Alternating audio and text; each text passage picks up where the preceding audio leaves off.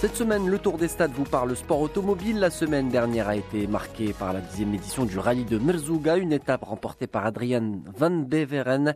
Le pilote français a terminé près de 25 minutes devant Ross Branch et Oriol Mena. Cette victoire est une première pour le nordiste. Il a remporté trois des cinq étapes de l'épreuve qui regroupait une quarantaine de pilotes. Cinq étapes qui ont également mis en lumière la belle région marocaine. Edo Mossi, le directeur du rallye, nous parle de cette semaine de course à Merzouga.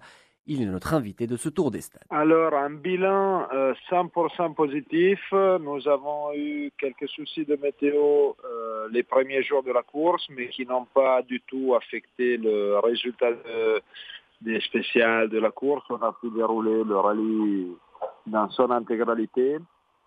Euh, bien sûr, des victoires euh, dans toutes les catégories par des champions. Van Beveren euh, dans les motos, Axel Dutry dans les quads et Nasser Alatia dans les side-by-side.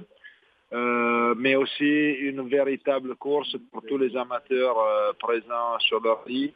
On a découvert pas mal de talents. On a découvert une, grand, qu'une part, une grande partie de la compétition s'engagera sur le Dakar. Donc on a aussi atteint le but de former la nouvelle génération du Dakar. Donc euh, tout à fait un bilan hyper positif.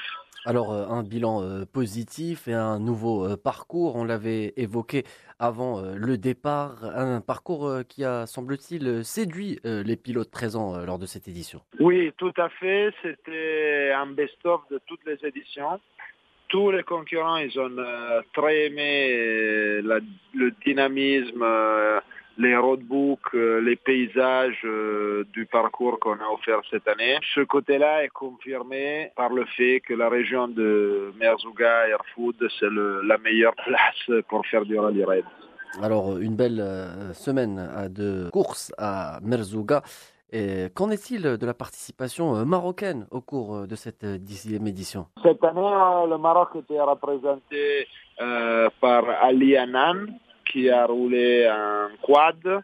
Il était en train de jouer pour la victoire. Malheureusement, une panne moteur l'a arrêté. Mais à la remise de prix, il nous a déjà confirmé sa participation pour le Dakar et pour la prochaine édition de l'Africain Azougar Rally. Donc euh, aussi là-dessus, un bilan très positif. Enfin, une dernière euh, question, Edom aussi, concernant toujours euh, ce rallye de Merzouga, un rallye euh, qui pourrait euh, porter à croire que lors de la prochaine saison, euh, ça pourrait encore connaître plus d'affluence au niveau de la compétitivité des pilotes. Oui, tout à fait.